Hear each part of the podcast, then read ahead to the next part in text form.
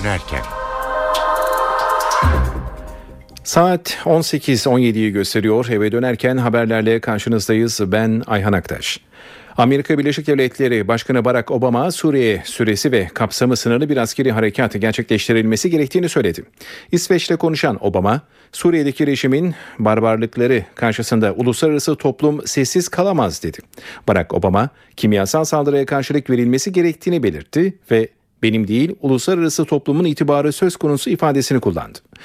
Irak Savaşı'ndaki istihbarat hatalarını tekrarlamayı istemediğini belirten Amerika Birleşik Devletleri Başkanı, Suriye hükümetinin kimyasal silah kullandığı yönündeki kanıtlar net dedi.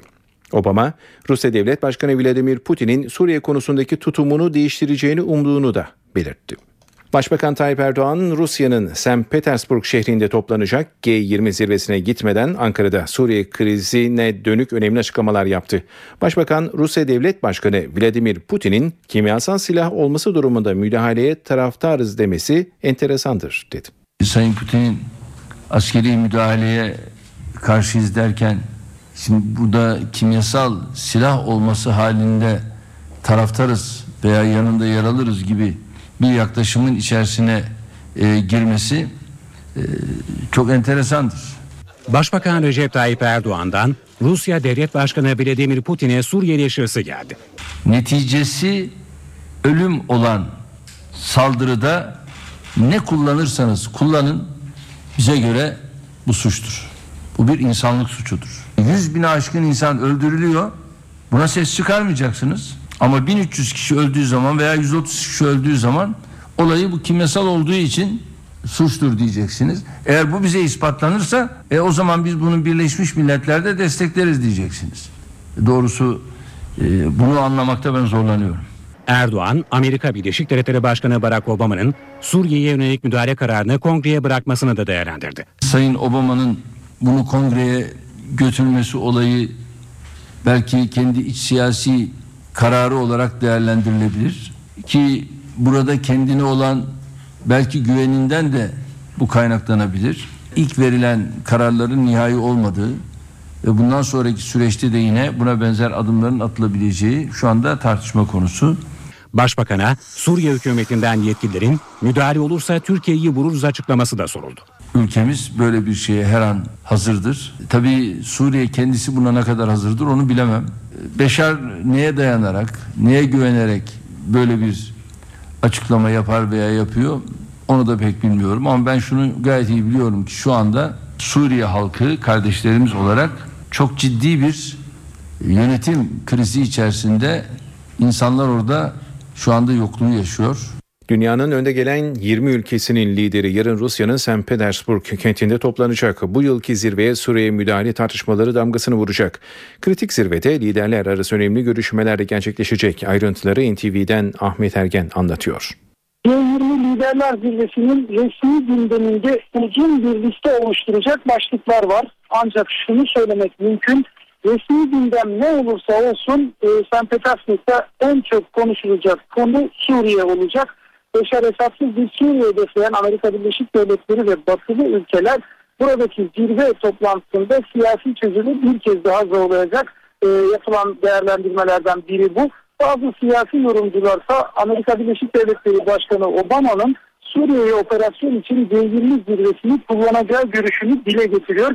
Nitekim benzer bir yorum zirveye ev sahipliği yapan Rusya yönetiminden de geldi. Rusya parlamentosunun alt kanadı Duma'nın Uluslararası İlişkiler Komisyonu Başkanı Alexey Pushkov e, bu yorumu aynı ifadelerle dile getirdi ve Obama Suriye'ye operasyon için G20 zirvesini kullanacak dedi. Başbakan Recep Tayyip Erdoğan biraz önce St. Petersburg'a ulaştı ve e, Başbakan Erdoğan'ın da burada yapacağı görüşmelerin, temasların ağırlıklı noktası Suriye olacak. Şu an itibariyle e, kesinleşmiş bir ikili görüşme trafiği e, bize e, açıklanmadı, henüz netleşmedi. Ancak e, Başbakanın Rusya Devlet Başkanı Putin'in görüşeceği liderler arasında olduğunu aktaralım. Kremlin'den yapılan açıklamada bu konuda detaylar var ve yapılacak görüşmede Başbakan Erdoğan'la e, Rusya lideri Putin'in Suriye ve Mısır başta olmak üzere Orta Doğu'yu e, ele alacakları belirtildi. İkili ilişkiler değerlendirildi. Yine iki lider Kasım sonunda Moskova'da yapılması planlanan Türkiye-Rusya üst düzey işbirliği konsey toplantısı hazırlıklarını da gözden geçirecek. Gündemin resmi gündemine gelelim ekonomi ağırlıklı oluşumundan dolayı vergi ödemekle, ödemeyle ilgili e, özellikle şirketler açısından yeni tedbirlerin gündemde olduğunu söyleyelim. Bunun yanı sıra e, ekonomik durgunluk, devlet borçları ve istihdam tedbirleri masaya gelecek konular arasında. İngiltere'nin ardından Fransa parlamentosunda da Suriye oturumu yapılıyor. Oturumda hükümet adına Başbakan Jean Ayrault'la siyasi grupların liderleri söz alıyor. Ayrıntıları NTV muhabiri Kayhan, Kayhan Karaca'dan alacağız. Kayhan, muhalefet Suriye'ye müdahale konusunda ne diyor? Evet Ayhan e, Fransız parlamentosu Suriye özel gündemiyle bugün olağanüstü toplantı e, toplandı. Bu özel oturum aslında geçen hafta Cumhurbaşkanı François Hollande tarafından talep edilmişti. E, aslına bakacak olursak Fransa Anayasası François Hollande böyle bir oturum düzenlemeye veya Suriye konusunda alacağı kararlar öncesinde parlamentonun görüşüne başvurmaya mecbur kılmıyor. Fransa'da dış politika ve savunma konularında Cumhurbaşkanı tam yetkiye sahip ki bu yetkiler arasında ülkeyi savaşa sokma veya askeri harekatlar düzenleme de var. Ancak gerek kamuoyundan gerekse şu an iktidarda olan Sosyalist Parti de dahil olmak üzere siyasi partilerden gelen tepki ve talepler Hollanda bir bakıma bu oturumu sembolik de olsa düzenlemeye mecbur kıldı. Oturum, oturumun başında e, Başbakan Jean-Marc Ayrault söz aldı. 21 Ağustos'ta Suriye'de meydana gelen saldırının kimyasal bir saldırı olduğunu ve Esad rejimi tarafından gerçekleştirildiğini söyledi. Suriyeli muhaliflerin e, böyle bir saldırıyı düzenleyecek, gerçekleştirecek kapasiteye sahip olmadıklarını vurguladı kimyasal silah kullanılmasının Fransa'yı harekete geçmeye mecbur bıraktığını ancak Fransa'nın tek başına hareket etmeyeceğini başta ABD olmak üzere müttefikiyle, müttefikleriyle eyleme geçeceğini belirtti ki burada e, Arap Ligi'nin de üzerine basa basa Arap Ligi'ni e, e, vurguladı, işaret gösterdi. Orantılı ve belirli hedeflere yönelik bir hareketten söz etti Fransa Başbakanı. Bu harekatın amacının Esad rejimini cezalandırmak ve caydırmak olacağını söyledi. Buna karşılık askeri harekatın hedefleri konusunda net bilgi vermedi. Fransa'nın e, Suriye'de siyasi çözüm istediğini ancak kimyasal saldırılar devam ettikçe siyasi çözümün mümkün olamayacağını savundu. Fransa'nın siyasi bir çözüm kapsamında Beşar Esad'ın iktidardan gitmesini istediğini sözlerine ekledi. Bu arada Fransa Başbakanı 21 Ağustos saldırısında ölenlerin sayısının 1500'e kadar çıkabileceğini söyledi. İki gün önce yayınlanan bir Fransız istihbarat raporunda ise ölenlerin sayısı 281 olarak bildirilmişti. Başbakan Eron'un ardından söz alan e, ana muhalefetteki e, Halk Hareketi Birliği Partisi'nin Meclis Grup Başkanı Christian Jacob e, Fransız hükümetinin Suriye politikasının çıkmazda olduğunu savundu. Fransa elleri kolları bağlı biçimde ABD kongresinden çık çıkacak oylamayı bekliyor e, dedi. Kimyasal silahları kimin kullandığını söylemek ancak Birleşmiş Milletler'in işidir ifadelerini kullandı. Merkez eğilimli Demokratlar ve Bağımsızlar Birliği e, Partisi'nin lideri Jean-Louis Borlo ise bundan 18 ay önce Suriye'nin demokratik ve laik muhalefeti desteklenseydi ve Suriye üzerinde uçuşa yasak bölgeler oluşturulsaydı belki bugün geldiğimiz durumda olmazdık, e, konumda olmazdık şeklinde konuştu. Rusya ve Çin'in bloke ettiği Birleşmiş Milletler Güvenlik Konseyi yerine Fransa'nın Birleşmiş Milletler Genel Kurulu'na başvurması çağrısında önerisinde bulundu. Yeşiller Partisi Esad rejimine yönelik olası bir askeri operasyona destek verdi. Komünistler ve aşırı sağcılar ise aynı gerekçeyle olmasa da askeri operasyona karşı çıkıyorlar. Oturum sonunda oylama yapılmayacak ancak Fransa Cumhurbaşkanı Hollande askeri operasyon öncesinde halka şahsen hitap edeceğini duyurdu. Son kamuoyu yoklamaları Fransızların %70'inden fazlasının olası bir askeri operasyona karşı olduğunu gösteriyor Ayhan. Evet NTV muhabiri Kayhan Karaca aktardı. Biz Suriye'den Türkiye'ye kaçış sürerken Suriye'nin eski savunma bakanı Ali Habib de Türkiye'ye sığındı. Alevi kökenli Habib'in muhaliflerle birlikte hareket edip etmeyeceği henüz netlik kazanmadı. Habib'in Esad yönetiminden ayrılan en üst düzey yetkililerden biri olduğuna dikkat çekiliyor. Suriye Dışişleri Bakan Yardımcısı Faysal Miktat Amerikan operasyonuna katılması durumunda Türkiye'yi de vuracaklarını söyledi. Amerika Birleşik Devletleri ile savaş istemiyoruz diyen Miktat, Washington'ın saldırması durumunda karşılık vereceklerini söyledi. Miktat, eğer bu operasyona katılırlarsa sadece İsrail'i değil Ürdün ve Türkiye'yi de vururuz açıklamasında bulundu. Savaş bir kere başladı mı kimse ne olacağını kontrol edemez diyen Miktat, Suriye'ye bir saldırının bütün bölgede kaosa neden olacağını da vurguladı. Dışişleri Bakan Yardımcısı Şam yönetiminin kimyasal silah kullandığı yönündeki iddiaları bir kez daha reddetti ve diyaloğa hazırız dedi. Suriye başlığından devam ediyoruz. Birleşmiş Milletler heyetinin Suriye'de kimyasal saldırı olup olmadığını kanıtlamak için topladığı örnekler Hollanda'nın Lahey kentindeki laboratuvarda inceleniyor ve örneklerin teslim edildiği Lahey'deki kimyasal silahları yasaklama örgütünün başında Türk diplomat Ahmet Üzümcü bulunuyor. Suriye'deki kimyasal saldırı ile ilgili cevaplanmayan sorulara yanıt Lahey'de aranıyor. Birleşmiş Milletler denetçileri Suriye'de kimyasal saldırının gerçekleştiği bölgelerden aldıkları örnekleri Hollanda'nın Lahey kentine götürdü. Örnekler Lahey'deki kimyasal silahları yasaklama örgütünde incelemeye alındı. Uluslararası toplumun gözü ve kulağının çevrildiği bu örgütün başında bir Türk var. Deneyimli bir diplomat olan Ahmet Üzümcü, Temmuz 2010'dan beri kimyasal silahları yasaklama örgütünün başında bulunuyor. Daha önce Halep'te konsolosluk, İsrail'de büyükelçilik görevleri yürüten ve uzun bir süre Türkiye'yi NATO'da temsil eden Üzümcü, Suriye'de incelemelerini tamamlayan heyeti Lahey'de bizzat karşıladı. Üzümcü heyete teşekkür etti. Heyetin getirdiği delil ve örneklerse örgütün laboratuvarında incelemeye alındı. Bazı örneklerse incelenmek üzere Avrupa'daki diğer laboratuvarlara gönderildi. İncelemelerin 3 hafta sürmesi bekleniyor. Elde edilen sonuçlara ilişkin nihai rapor ancak bu incelemenin tamamlanmasından sonra açıklanabilecek. Başbakan Tayyip Erdoğan CHP'nin Mısır'a yapacağı ziyareti eleştirdi. CHP'nin ne Irak'a ne de Mısır'a verebileceği bir şey yok dedi. Başbakanın eleştirilerine yanıt veren CHP Genel Başkan Yardımcısı Gürsel Tekin, sizin kırdığınız, döktüğünüz yanlışları ancak CHP toplayabilir diye konuştu. Öte yandan CHP'nin Mısır ziyaretine ilişkin ayrıntılarda netleşti. CHP, General Sisi ile görüşme yapmayacak. Mısır Dışişleri Bakanı ve Müslüman kardeşler yetkilileriyle bir araya gelecek. CHP'den gidecek olanların ne Irak'a ne Mısır'a verebileceği hiçbir şey yoktur. Olsa olsa alabileceği bir şey vardır. Mısır'da darbe yönetimine işte biz de böyle darbeler yaptık veya böyle darbelerin arkasında bulunduk. Bunlar noktasında bir paylaşımı olabilir.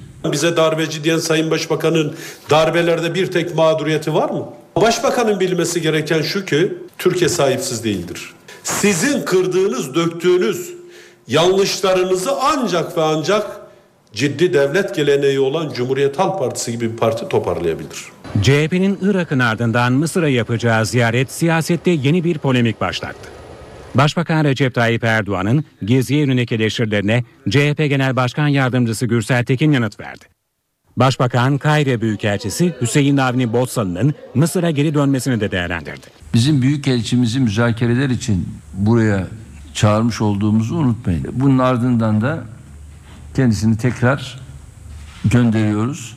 Ama Mısır'daki şartlar çok daha farklı istikamette gelişirse durumu yeniden farklı bir şekilde değerlendiririz. CHP'nin Mısır'a düzenleyeceği ziyaretin ayrıntıları da belli oldu. CHP heyeti Mısır Dışişleri Bakanı Nebil Fehmi, hükümet yetkilileri ve Müslüman kardeşler yöneticileriyle bir araya gelecek. E, Bizim e, General Sisi ile bir randevumuz yok. Öyle bir görüşme olmayacak. Firavun'un ayağına gidiyorlar, onu bunu yapıyorlar e, diye. Biz de Türkiye için gidiyoruz. Türkiye-Mısır ilişkilerinin selameti bakımından gidiyoruz. CHP Genel Başkan Yardımcısı Faruk Doğulu'yla Osman Korutürk'ün bulunacağı heyet devrik lider Mursi ile de görüşmek istiyor. Heyet halen gözaltında tutulan iki Türk gazetecinin serbest bırakılması için de girişimde bulunacak. Türkiye'nin Kahire Büyükelçisi Hüseyin Avni Botsalı bu akşam Mısır'a dönüyor. Ankara bu kararı aldı ancak Türkiye ile eş zamanlı Büyükelçisini geri çağıran Mısır aynı adım atmıyor. Mısır Dışişleri Sözcüsü bugünkü durumun devam edeceğini açıkladı. Mısır'da geçici yönetimi lideri Adli Mansur ise Türkiye ile daha iyi ilişkiler kurmayı istediklerini bildirdi. Mansur, umarım Türk hükümeti esas çıkarının bir grupla değil Mısır halkıyla olduğunu görür ifadesini kullandı. Mansur, darbeyi eleştiren Katar'a da sabrımız tükenmek üzere diye seslendi. Okullar açılıyor. Orta öğretime giriş sistemine ilişkin sorular bitmiyor. Milli Eğitim Bakanı bugün merak edilen soruları yanıtladı. Yeni dönemde 6 temel ders için dönemsel olarak yapılacak sınavlardan birinin merkezi sistemle gerçekleştirileceğini açıkladı. Çocuklarımızın orta öğretim kurumlarına geçişlerinde tek bir sınava ve o sınav sonucuna bağlı olmasını ortadan kaldırıyoruz.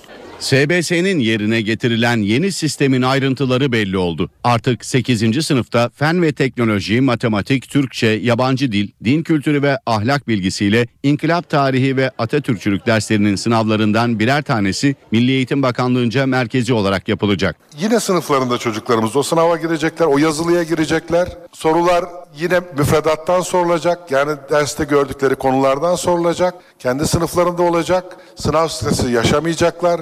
Yanlışlar doğruları götürmeyecek. Telafi mümkün olacak. Bu yazılı sınavları daha denetimli hale getiriyoruz. Öğrencinin 6, 7 ve 8. sınıf yıl sonu başarı puanlarının ortalamasının %30'uyla 8. sınıfta merkezi olarak yapılacak sınav puanının %70'i toplanacak. Ortaya yerleştirmeye esas puan çıkacak. Çocuklar sınıflarda yazılılara giriyorlar. Yazılılar var. Yaptığımız bu yazılılardan birer tanesini her dönemde birer tanesini daha kontrollü bir biçimde yapmak. Sınavlar iki okul gününe yayılacak. O günlerde okullar tatil edilecek. Sorular test yöntemiyle sorulacak. Dört yanlış bir doğruyu götürmeyecek. İleriki yıllarda açık uçlu sorular da içerecek. Merkezi sınavlarda öğretmenler kendi okullarından farklı bir okulda görev alacak. Devlet liseleri ve kolejler de yeni sisteme dahil olacak. Kendilerine özel sınav yapamayacak. Geçerli bir mazereti nedeniyle merkezi sınava giremeyen öğrenciler için mazeret sınavı yapılacak. Şimdi yeni sisteme daha yakından bakalım. Orta son yani 8. sınıflarda 6 temel ders için öğretmenlerin yaptığı bir yazılı sınavı bundan sonra Milli Eğitim Bakanlığı yapacak. Yani 8. sınıf öğrencilerini ilk dönem 6, ikinci dönem 6 olmak üzere 12 sınav bekliyor. 6 ders fen ve teknoloji, matematik, Türkçe, yabancı dil, din kültürü ve inkılap tarihi olacak. Din kültürü dersinden muaf olanlar sosyal bilgiler dersinden sınava alınacak. Haftalık ders saati düşük olan din kültürü ve inkılap tarihi derslerinin ilk yazılı sınavı merkezi sistemle yapılacak. Haftalık ders saati fazla olan fen, matematik, Türkçe ve yabancı dil derslerinde ise ikinci yazılı sınav merkezi sistemle olacak. Bu sistemin getirdiği yeniliklerden biri de öğrencilerin kendi sınıflarında, kendi sıralarında sınava girecek olmaları. Herhangi bir haksızlığa karşı gözetmenler farklı okullardan gelecek. Sınav test usulü yapılacak. Tüm merkezi sınavlarda olan 4 yanlış bir doğruyu götürür prensibi bu sistemde geçerli olmayacak. Sınavlar için her dönemde 2 gün ayrılacak. Bu 2 günlük sürede öğrenciler 6 sınava girecek. Öğrencilerin 6, 7 ve 8. sınıflardaki yıl sonu başarı puan ortalaması toplam puanı %30, girilen merkezi sınavlar toplam puanı da %70 oranında etkileyecek.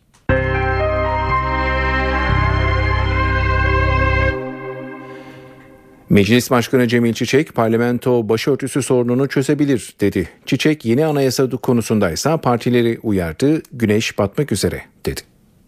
Meclis başörtüsü sorununu çözer. O olgunluğa ulaştık.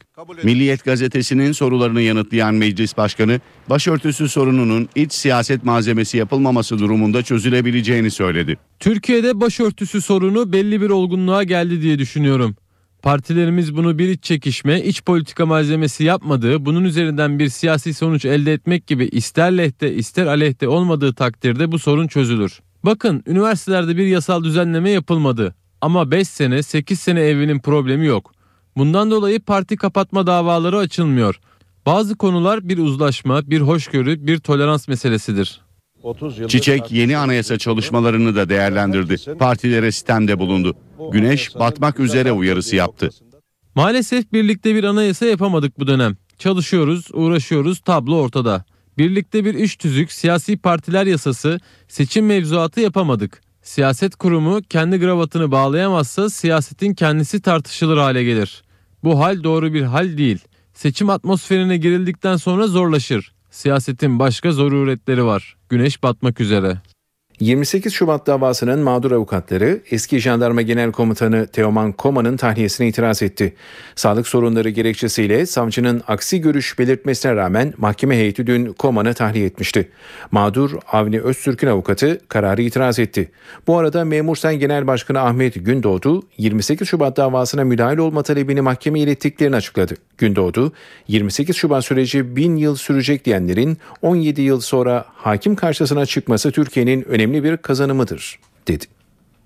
Avrupa İnsan Hakları Mahkemesi evli kadınların sadece kendi soyadını kullanmasına izin vermeyen Türkiye'yi bir kez daha mahkum etti. Mahkeme avukat Gülizar Tuncer Güneş tarafından açılan davada evli kadınlara bu hakkın tanınmamasını cinsiyet ayrımcılığı olarak değerlendirdi ve Ankara'nın Avrupa İnsan Hakları Sözleşmesi'ni ihlal ettiğine hükmetti.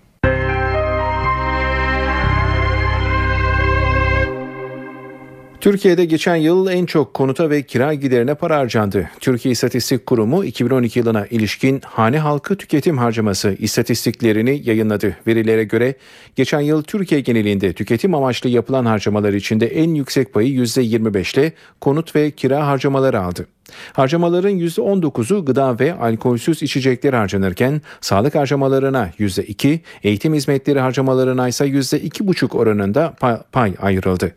Türkiye'de hane halkı başına aylık ortalama tüketim harcaması 2366 lira oldu.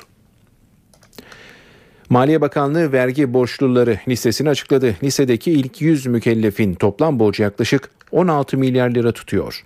1 milyon liranın üzerinde vergi borcu bulunan kişi ve kurum sayısı da 13 bine yaklaştı. Listenin ilk sırasında İmar Bankası'nın eski genel müdürü bulunuyor. Uzan ailesinden isimler de ilk yüzde dikkat çekiyor. Devlete en fazla borcu bulunan belediye 260 milyon lirayla Kocaeli Büyükşehir Belediyesi. Ankara, Didim, Sakarya, Adana ve Sarıyer belediyeleri de vergi borçluları listesinde ilk yüzün içinde bulunuyor.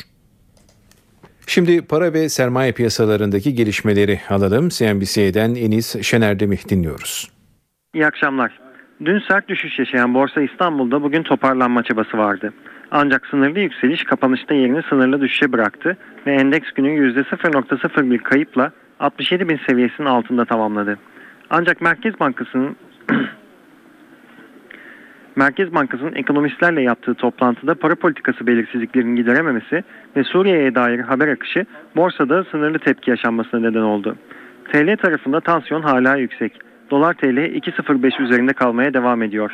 Tahvil tarafında ise gösterge faizin tekrar %9.50'nin altına gerilediğini takip ettik. Avrupa tarafında İtalya'dan gelen haberler moralleri bozdu. Berlusconi'nin partisi koalisyondan desteğin çekebileceği yönündeki haber akışı siyasi riskleri tekrar gündeme taşıdı ve tüm Avrupa borsalarında düşüşler takip edildi. Euro dolar ise 1.32 altındaki zayıf seyrini korudu. Spot altın düşüşüne devam etti ve 1400 dolar seviyesinin altına geriledi.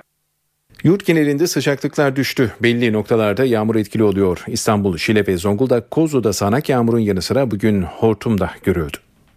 Denizde başlayan iki hortum birleşerek kıyıya yöneldi. İstanbul, Şile'de balıkçı limanı açıklarında hortum amatör kamera tarafından kaydedildi. Kıyıya yakın bir noktada yok olan hortum can ve mal kaybına neden olmadı. Benzer durum Zonguldak'ta da yaşandı. Hortum ve aniden bastıran sağanak yaşamı olumsuz etkiledi. Denizden gelen hortum sahildeki şezlong ve şemsiyeleri yola savurdu. Telefon kulübeleri ve çöp konteynerları devrildi. Binaların çatısındaki kiremit ve tahta parçaları araçların üzerine düştü. Bayağı yani sallandık yani böyle aynı deprem gibi. Fırtına vardı, rüzgar çok felaketti ya. Aşırı yağış nedeniyle ulaşım aksadı. Vatandaşlar yolda yürümekte zorluk çekti. Elektrik kesintisi yaşanan Kozlu beldesinde ekipler yollardaki kiremit ve tahta parçalarını temizlemeye çalıştı. Meteorolojiden yapılan açıklamada kente metrekareye 22 kilogram yağış düştüğü belirtildi. Sırada hava durumu var. Son verileri NTV Meteoroloji Editörü Gökhan Apur'dan alıyoruz. İyi akşamlar. Yarın sıcaklıklar kuzey ve iç kesimlerde daha da azalacak. Doğuda ise birkaç derecelik azalma var. Akdeniz ve Güneydoğu'da ise önemli bir değişiklik beklemiyoruz. Önümüzdeki hafta ise Ege'den başlayarak sıcaklıklar yeniden yükselecek. Yarın Marmara'nın doğusunda hafif Karadeniz'in kıyı kesimlerinde ise yer yer kuvvetli sağanaklar görülecek. Yağışlar Cuma ve Cumartesi günü hafif olarak devam edecek. Pazar günü Marmara'nın kuzeyi ve Karadeniz'deki yağışların yeniden kuvvetlenmesini bekliyoruz. İstanbul'da yarın yağış yok. Hava parçalı bulut. Sıcaklık gündüz 26, gece ise 15 derece olacak. Ankara yarın az bulutlu ama serin. Sıcaklık gündüz 23, gece ise 10 derece olacak. İzmir'de hava açık ve kuvvetli Poyraz biraz da olsa serinlik verecek. Sıcaklık gündüz 29, gece ise 18 derece olarak ölçülecek. Hepinize iyi akşamlar diliyorum. Hoşçakalın.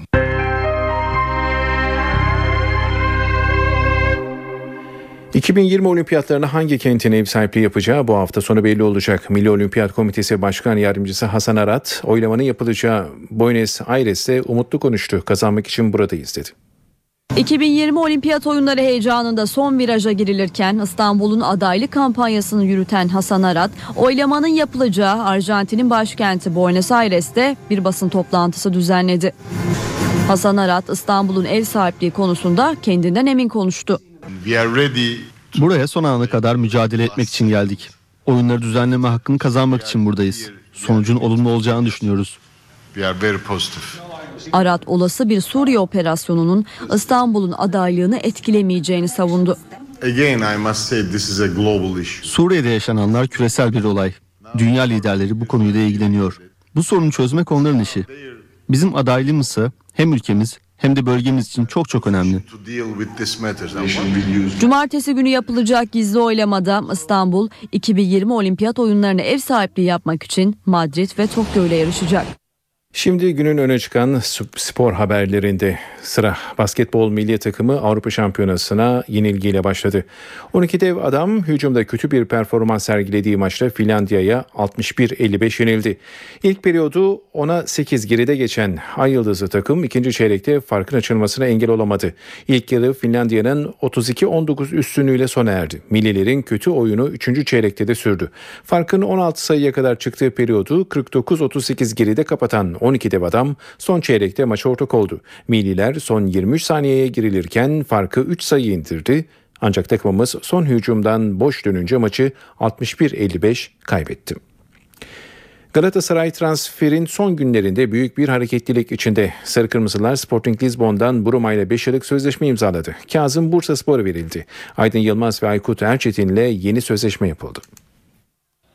Türkiye'de yapılan 20 yaş altı Dünya Kupası'nda yıldızı parlayan Buruma artık Galatasaray'da. Sarı Kırmızılı kulüp uzun süredir kadrosuna katmaya çalıştığı Portekizli futbolcuyu İstanbul'a getirdi ve sağlık kontrolünden sonra 5 yıllık sözleşme imzaladı. Galatasaray Buruma için kulübü Sporting Lisbon'a 10 milyon euro bonservis bedeli ödeyecek. 1 milyon euro imza ücreti alacak Buruma'ya 5 sezonda toplam 5 milyon 600 bin euro garanti para ödenecek. 19 yaşındaki Buruma maç başı ücretleri de alacak. Buruma imza sonrası yaptığı ilk açıklamada sarı kırmızılı takımı seçmesinde teknik direktör Fatih Terim'in önemli rol oynadığını belirtti. Galatasaray TV'ye konuşan Buruma, "Buraya geldiğim için çok mutluyum. Drogba ve Snyder'dan öğreneceğim çok şey var.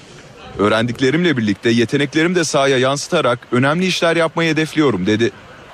Oldukça heyecanlı olduğu gözüken Buruma, Galatasaray'da kişisel amaçlarına ulaşabileceğine inandığını da sözlerine ekledi. Öte yandan Galatasaray iç transferde de hareketlilik yaşıyor. Sarı Kırmızılılar Kazım Kazım'ı Bursa Spor'a verdi. Deneyimli oyuncu da Yeşil Beyazlarla 4 yıllık anlaşmaya vardı ve yeni takımının formasıyla poz verdi. Kazım sağlık kontrolünden geçtikten sonra Bursa Spor'la antrenmana çıkacak. Bu arada Galatasaray Bursa Spor'dan da Serdar Aziz'i istedi. Genç defans oyuncusu için Sarı Kırmızılıların Kazım'ın bonservisi ve Dani'nin bir yıl kiralık verilmesi teklifi Bursa Spor tarafından reddedildi. Serdar'da ısrarlı olan Galatasaray'ın yeşil beyazlara sunduğu yeni teklif üzerinden görüşmeler devam ediyor. Bu arada Galatasaray sözleşmesi biten Aydın Yılmaz'la 2 artı 1 yıllık, kaleci Aykut Erçetin'le de 1 yıllık yeni mukavele imzaladı. Borsaya gönderilen yazıda Aydın'ın ilk yıl için 900 bin dolar, ikinci yıl için 1 milyon dolar, opsiyonla takımda kalırsa 3. yıl içinde 1 milyon 100 bin dolar alacağı açıklandı. Aykut ise 1 yıl için 500 bin lira alacak. Beşiktaş Başkanı Fikret Orman, Fenerbahçe'nin Fernandes'i transfer etmek istediği iddialarına son noktayı koydu Orman. Portekizli futbolcunun ayrılmaya, kendilerinin onu bırakmaya niyetleri olmadığını, Fenerbahçe'nin de Fernandes'le ilgili bir talepte bulunmadığını söyledi. Beşiktaş Kulübü Başkanı Fikret Orman, futbolcuları Fernandes'in Beşiktaş'tan, Beşiktaş'ın da bu oyuncudan vazgeçmeyeceğini söyledi. İnegöl Beşiktaşlar Derneği'nin açılışında gazetecilerin sorularını yanıtlayan Orman, Fenerbahçe'nin Fernandes'le ilgilendiği yönünde basında çıkan haberlerin gerçeği yansıtmadığını söyledi. Beşiktaş iyi gitmeye başladığı sürece her dakika bir şey çıkartmaya çalışıyor. Beşiktaş'tan ayrılma niyeti yok. Beşiktaş'ın Fernandes'i bırakma niyeti yok. Fenerbahçe dost camiamız. Onların da e, böyle bir talepleri yok. Başkan Orman, Manchester United Alexander Bütner'le ilgili soruyu yanıtlarken transfer bütçesini aştıklarını dile getirdi. Daha neticelenmedi.